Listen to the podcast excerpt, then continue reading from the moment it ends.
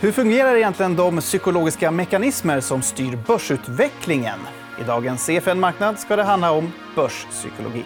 Välkomna! Och vi säger även välkommen till dagens gäst. Det är Carl Gustav CG Gyllenram. Tack så mycket. Du är börspsykolog, författare och förvaltare på kapitalförvaltningsbolaget Ability Asset Management. Det stämmer bra det. Och du går även under smeknamnet Grafnestorn. Jo, det var en, en välvillig journalist på Dagens Industri som behagade att ge mig det epitetet. Ja, och jag antar att då, du håller på mycket med grafer? Då, helt enkelt. Ja, jag har gjort det de sista 40 åren ungefär. Ja. Mm. Så att, det ligger någonting i det.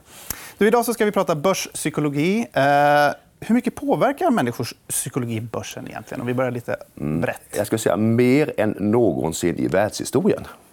Det kan låta lite krasst att säga så, men eh, marknaderna är mer globala än någonsin. Och sen finns ju nu, om man då tar fram telefonen, du vet aldrig någonsin varit lättare att ge efter för dina impulser. Du tar fram telefonen, du klickar på köp eller sälj. Och, och, så tror du att du på så vis kan göra bra affärer för att det är lätt att göra dem tekniskt. Mm. Men det är extremt lätt, lättare än någonsin i världshistorien, att ge efter för, sina, för sin emotionalitet och impulser. Och det är det som kan göra att börspsykologin frodas från tid till annan. Ja, för den här uppfattningen att människor är rationella varelser som fattar beslut på logiska grunder. Hur väl stämmer den överens med hur folk faktiskt beter sig? Eh, synnerligen dåligt. Mm. Eh, om du tittar på herrarna eh, Kahneman och Tversky som fick Nobelpriset 2003 för deras Prospect Theory. Och när du skulle läsa Kahnemans sista bok, Tänka snabbt men långsamt, så visar han med extrem tydlighet att människor är extremt mycket mer irrationella än vi någonsin kan tro. Så att, liksom att människor är rationella, ja, det är nästan en gammal skröna eh, från 80-talet. Mm. Men de eh, som handlar på börsen, aktörerna där, hur mycket tid och energi lägger de då på att förstå den här delen, den här psykologiska aspekten rent generellt? Eh, ju mer kortsiktig du är, Alltså om du är daytrader så fattar du kanske 20, 30, 40, 50, 100 beslut per dag. De är synnerligen väl medvetna om detta. Men ju mer långsiktigt, om du kör Warren Buffett-stil och kan behålla bolag i i 40 års tid och ta en smäll på 40 procent.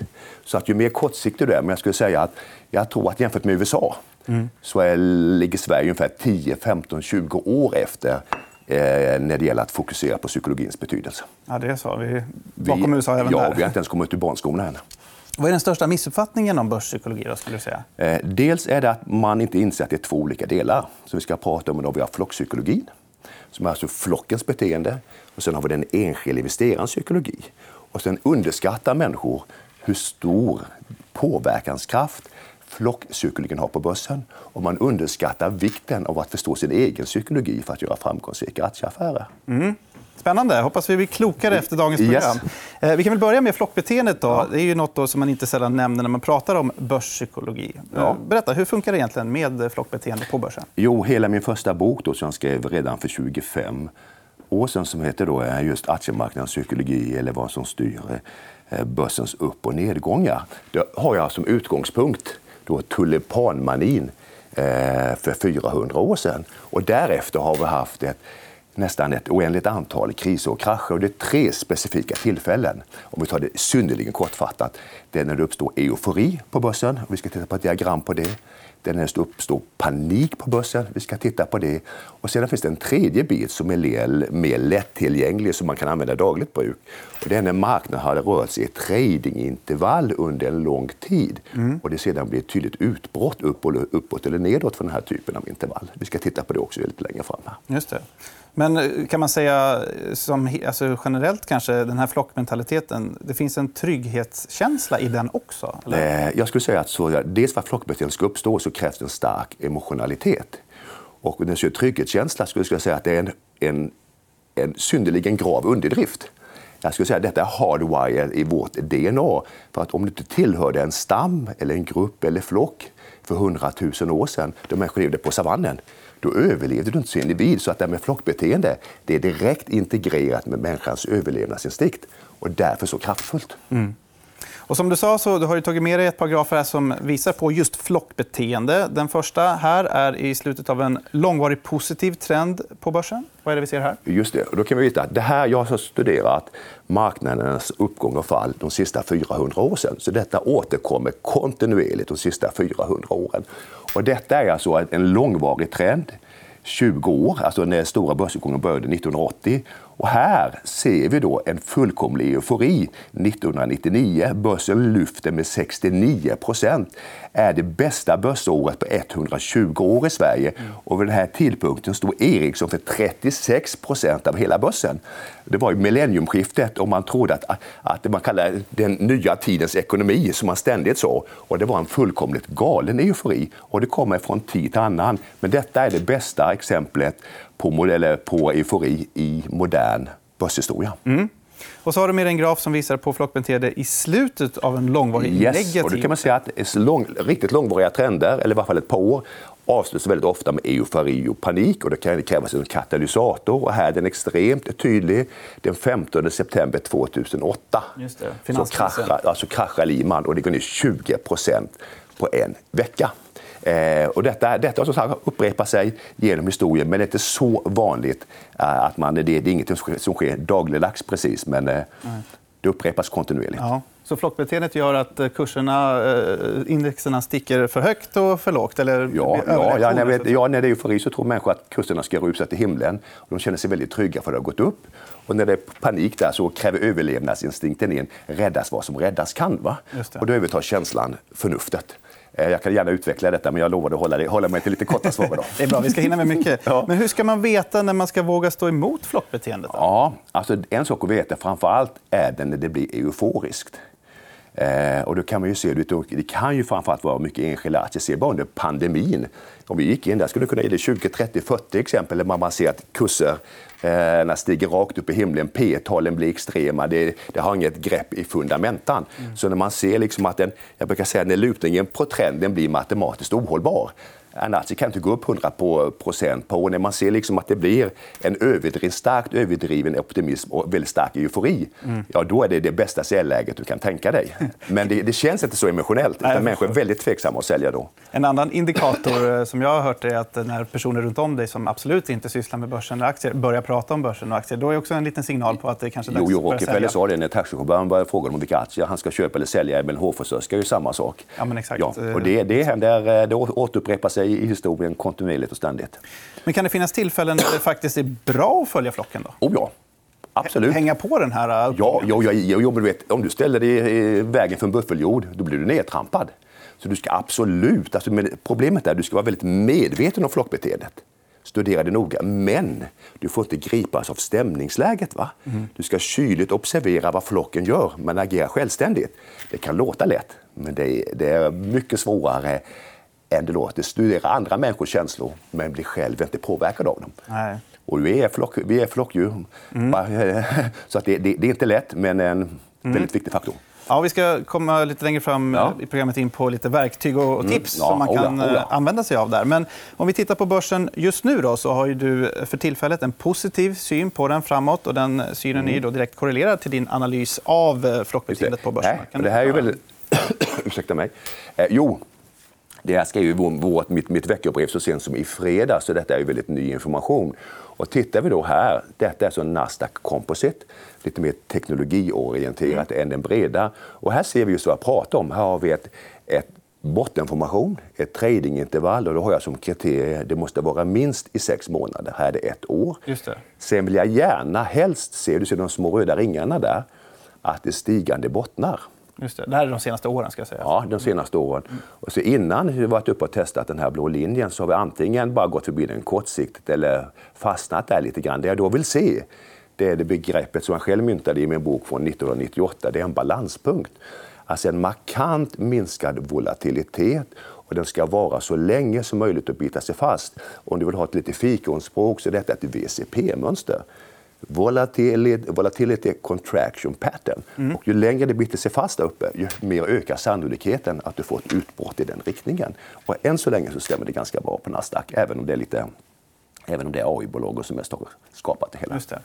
Ska vi kolla på index, indexet över de 500 stora börsnoterade bolagen som handlas i USA, ja, nämligen S&P 500? Ja, där ser, där ser du en liknande. Va? Där ser du också alltså ett år, stigande bottnar. Och sen också den balanspunkten, jag tycker den är viktig. Jag har identifierat åtta olika sådana här balanspunkter. Och det kan säga med att ju, ju, ju, längre den är, ju smalare den är. Och sen ibland, om vi skulle verkligen nörda ner oss, så kan vi prata om de nervösa punkterna i balanspunkten när, när vi går ner och testar av. Mm. Och sen den här veckan så kommer flera viktiga räntebesked. Och ny information övertrumfar ju alltid. Mm. Men det här, de här, så här USAs stor, USA-börserna har inte sett så här intressanta ut på mycket länge utifrån ett, ett psykologiskt perspektiv. Just det. Och sen har vi det amerikanska småbolagsindexet, Russell 2000. Ja, det är intressant. Va? För man brukar säga att, det kan man se, se i Sverige, att, liksom att när man märker ett tydligt ökat intresse för småbolag så indikerar det en ökad riskaptit. Och här ser vi ett klassiskt, vad heter det, tradingintervall och bottenformation, men det är inte moget än. Va? Du ser, det har en rörelse uppåt, men jag vet inte i det här läget. För att jag verkligen ska tro på det så ska du gå upp här, bita sig fast och bilda en balanspunkt. Men det är en intressant indikator som pekar åt rätt håll. Just det. Och ska vi titta på Sverige också? Eh, det är ju ja. OMX SPI, alltså det som ja. väger samman värdet på alla aktier. Ja. Här är det inte lika tydligt. Det som är intressant att hela årets uppgång, jag menar hela årets uppgång kom när vi hade 13-dagsveckan i Sverige.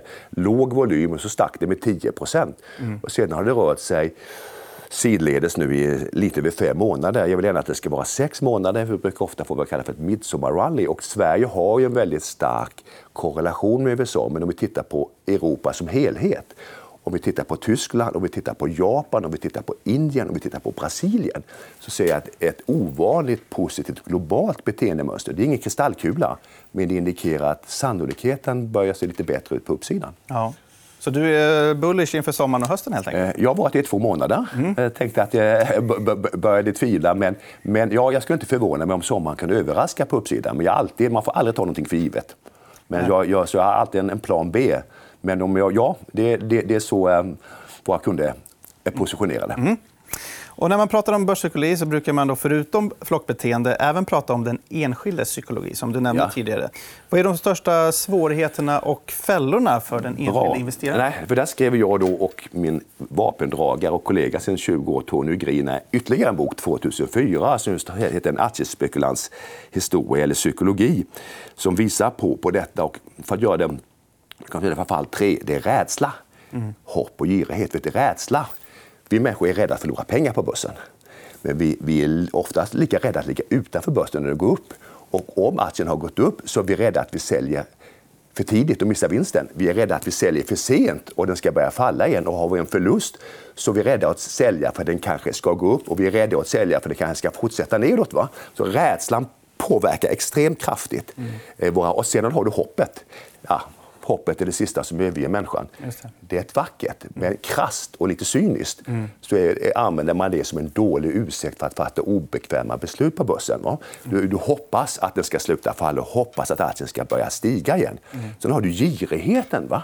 Att människor vill tjäna pengar, det tycker jag är sunt. Men girighet är liksom att när när, vad heter det, det är ju på, bekost, på bekostnad av, av förnuftet. ofta är det att människor tar då för stora risker. De spekulerar med pengar de inte har. De kör med belåning, de kör med, de kör med hävstång. Och ju mer börsen går upp, ju mer, ju mer, ju mer satsar de. Så jag brukar säga eh, det bästa, ett av de bästa sätten att bli fattig det är att ha, det är att ha för bråttom att bli rik. Va? Kanske lite, lite hårt, men jag har sett det hundratals gånger de sista 40 åren. Mm. Och hur kan man hantera det här då som småsparare? Vilka konkreta verktyg finns att ta till? Ja, alltså nu är ju detta, om du verkligen vill hantera detta så ska du göra en genomarbetad skriftlig handlingsplan. Jag vet att det är ytterst få som gör detta, men det kommer vara... Och detta är en ganska krävande process den ska bestå av tre grundstenar. Du ska ha en analysmetodik som är anpassad just till din personlighet. Va? För alla är vi, alla är vi olika. Mm. Nummer två, du måste ha en väldigt noggrann bild på din riskhantering. Hur stora positioner tar du? Hur många positioner? Vad är din grundposition? När bygger du av en position? När tar du vinst? När tar du en förlust? Och sen har du också den mentala disciplinen. Jag kommer återkomma till detta. Den absolut viktigaste faktorn är mental eh, disciplin. Mm. Att sen följa sina egna regler. kan låta lätt, men det är därför väldigt många småsparare fastnar just i de här aktierna som ständigt går ner därför de inte tar förlusten i ett tidigt skede utan man gör det klassiska misstaget when in double eh, When in, when in trouble, double eller, eller triple. Jag har sett människor mm. som ökat förlust ökat sina positioner 17 gånger. Istället för att ta stoppen? Ja, mm, mm. precis. Jag har sett det, och jag har sett det år ut och år in. Ja, eh, som du var inne på, personliga egenskaper. Alla människor är ju olika. Eh, hur kan man använda sina personliga egenskaper liksom, för att kunna hantera de psykologiska ja, det, utmaningarna? Ja, det, det, viktigaste är liksom att du måste vara väldigt... Alltså, att, jag brukar ha en regel som man inte får bryta emot. Det är att oavsett om du tjänar eller förlorar pengar på dina aktieaffärer så finns det ett oeftergivet krav. Ja, ett oeftergivligt krav det är att du måste lära dig någonting. Va? Så att studera, att dokumentera dina egna affärer, skriva ner hur du tänkte, sen analysera dem i efterhand. Det är ett väldigt viktigt eh, steg att börja med detta. Och sedan, du kanske inte behöver ha som jag en 25-sidig handlingsplan och 200 bilder på olika strategier. Nej. Men du måste börja någonstans och det måste vara anpassat efter din personlighet. Inte efter, inte efter någon guru där ute utan någonting som passar dig. Mm. För liksom att någon kanske är matematisk, någon är psykolog, någon är kortsiktig, någon är långsiktig. Utan en analysmetodik. Mm. Och det, det, här, det här gör du inte över dagen, över natten. Men liksom det här, det här liksom, ju kortare tidshorisont du har, ju mer krävande är mm. detta. Men du, du, får tillbaka pengarna, men det är ingenting som du snyter ur näsan på en kvart. Hur mycket av de här strategierna och verktygen använder du själv i dina värdepappersaffärer?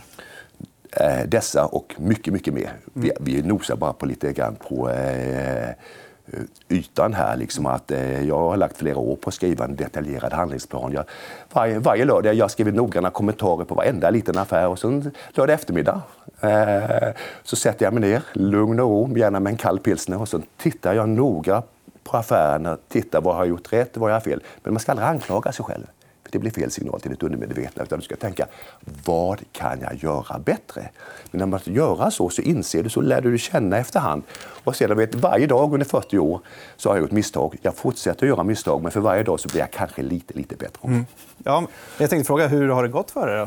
Ja, vi säger som så nu att jag och Tony driver vårt kapitalförvaltningsbolag, det är inte att vi gör det på grund av brödfödan utan att vi fortfarande är passionerade och tycker detta är lika roligt som det någonsin har varit. Och efter 40 år så har jag fortfarande massor att lära. Och jag lär mig någonting nytt varje dag. Och när jag lär mig någonting nytt, då, då blir jag nästan euforisk och, och, lite, och lite lycklig. För du kan aldrig bli fullärd. Nej. Du kan bara bli bättre. Jag tänkte vi kunde ta och sammanfatta lite ja, av vad som eh, är viktigt att tänka på när det gäller börspsykologi. Då. Och vi har en bild här och vi kan väl gå igenom den här meningen lite snabbt så får du kommentera dem var för sig. Vi börjar med den första. Koncentrera dig på att göra varje enskild affär så bra som möjligt och bekymra dig inte om slutresultatet. Yes, fokusera på processen. Mm. Om du hela tiden försöker göra varje enskild så bra som möjligt så blir ju oftast helheten eh, bra. Det är därför disciplinen är så viktig. Just det. Din förmåga att vara disciplinerad är helt avgörande. För ja, ja. Det, det, är så här att du vet, här bak har du reptilhjärnan. Här fram har du parafrontal cortex. Här bak fattar du de här liksom reptilhjärnebeslutet. Här framme är det de medvetna besluten. Mm. Och det, det, det, är det du måste styra om. Och att vara disciplinerad och rationell när det är väldigt stressigt och marknaden går åt inre hållet, det är krävande. Ja. Men det finns ingen tvekan. Nej. Pratar du med en daytrader så skulle han säga att det är 90% av framgången ligger på den här punkten. Ja. Och, och, och, hur man gör det är att träna och skriva ner strategier och följa dem. Ja, oh ja, oh ja. och det är, liksom, det, det, det är mödan värt. Mm. Men det, det, det, tar tid och kraft. Mm. Vi tar nästa. Det finns aldrig en säker affär oavsett hur övertygad du är. Nej, du ser, du vet, jag uttrycker mig positivt och sticker ut hakan och säger att jag ser god, god sannolikhet. Men skulle jag få fel, mm. ja då har jag fått fel. Men jag ser att det är en god sannolikhet baserat på mina studier så jag vågar, jag, jag vågar agera på det. Men däremot så, så vet jag ju om att kan ju komma om räntebeskeden blir eh, liksom att eh, gravt negativa den här veckan. Du vet, det är som att om du, om du spelar golf och du slår, missar en putt eller slår en boll fel eller i nät i tennis eller missar en passning i fotboll. Att, att ta förluster, mm. det är bara en fullkomligt naturlig del av spelet på börsen. Mm. Du får aldrig bli övermodig och självsäker. Nej, nej, nej, nej, för de flesta människor blir mest, som mest riskbenägna när det har gått bra väldigt länge. Du så, är det så, eh, mm. diagrammet? Mm. När det är på toppen, när det har gått vansinnigt bra och man tror att man är kung på marknaden. Man tror att man tjänar pengar för att man är smart, men man har tagit för stora risker. Ja, det, det är där faran sitter. Så ja. aldrig övermodig, aldrig självsäker. Nej. Vi kollar vidare här. Mm. Eh, var mycket försiktig med starka känslor. Ja. Dessa leder dig nästan alltid yes. fel. Ju mer, du vet, det är reptilhjärnan som är i farten. Eh, och ju starkare känslor du känner, ju mer emotionell blir det. Ju mindre rationell, ju, mer, ju, eh, ju mindre intuition har du. Mm. Så riktigt starka känslor, skulle jag säga, 9-10 gånger, eller väldigt ofta, gör att du fattar emotionella och inte rationella beslut. Lätt att säga, svårt att tillämpa. Just det. Det är naturligt att göra förluster. Ja. Att få fel ibland tillhör bara spelets mm. regler. Mm. Nej, men det är så. Många människor känner liksom att ah, om jag tar en förlust du har, du gjort en dålig placering. Alltså, är det någonting man måste... Du vet, ska du tjäna pengar på börsen, det viktigaste du ska lära dig det är inte de stora vinsterna, det är att begränsa förlusterna så du alltid har kapital till nästa dag. Va? Det, är, det är totalt, det är styrka och kraft att våga ta mm. förluster. Eh, många människor upplever det tvärtom, men det är precis, psykologiskt är det precis, du ska göra det rätta och inte det lätta. Det lätta är att inte ta förlusterna, det rätta är att ta dem under, under rationella förutsättningar. Det är viktigare att undvika att göra stora förluster ja. än att göra ja. stora ja. vinster. Men kolla, nu, kolla nu på vad heter SBB. Om du, skulle, om du åker ner 90% så måste du upp 1000. Ja. Tappar du 10 måste du upp 11. Eh, åker du ner 25 måste du upp 32. Alltså stora förluster får den omvända matematikens lag. Va? Begränsa dina förluster, det är A och O. Hur, liksom, hur tidigt hade du tagit stoppen i SBB? Jag gjorde det för ett och ett halvt år sedan. Det var ganska länge sedan. Ja, det kostar några procent, men betydligt mindre än, än, än i, än i den, den uppvisade ett beteendemönster som inte var kongruent med, med, med, med starka aktier. Jag var inne i det någon gång till. Men det är, liksom, det är just därför psykologin är så viktig. För det människor gör, det är obehagligt och obekvämt. Det är lättare att ligga kvar och öka på. Just det. Ibland är det rätt, men från tid till annan så blir det fruktansvärt ut och det blir oerhört. Alltså det är nästan en mardrömsliknande situation och varje dag ser ditt värde minska. Va? Ja, tro, tro mig, I've been there. Vi tar sista också. Då. Att förlora pengar är inget misstag. Att inte följa sina regler är det däremot. Yes, att ta förluster. Naturligt, sunt. Och man gör det som att naturligtvis i, i, rätt, i rätt läge. Mm. Och så det är liksom att det, det, det är som sagt att eh, ta, titta därför man måste följa upp statistiskt med mera så att minimera sina förluster. Det finns några klassiska bitar, liksom att cut your losses short and let your profits run. Va? Uh, when in doubt, stay out. Jag fick lära mig detta om en, av en gammal, synnerligen rutinerad börsrätt för 30 år sedan. Då, va? Men det är liksom lite cut your losses short and let your profits run. Lättare sagt än gjort. Mm. Men den, den regeln är, är, har varit har gällt i 200 år och kommer gälla så länge mänskligheten spekulerar på börsen. Mm. Seger Gyllenram, det var allt vi hann med här idag. Yes. Men stort tack för att du vill komma hit och prata börspsykologi. Ja, tack. För, det var ett stort nöje att få diskutera och prata mm. med dig. Och stort tack även till dig som har tittat på EFN Marknad. Glöm inte att följa vår Youtube-kanal om du inte redan gör det. Ge oss en tumme upp om du gillar programmet. Och följ oss även på Instagram. Där heter vi EFN Aktiekoll. Vi ses igen nästa gång. Ta hand om er. Hej då! Ansvarig utgivare är Anna Fagerström.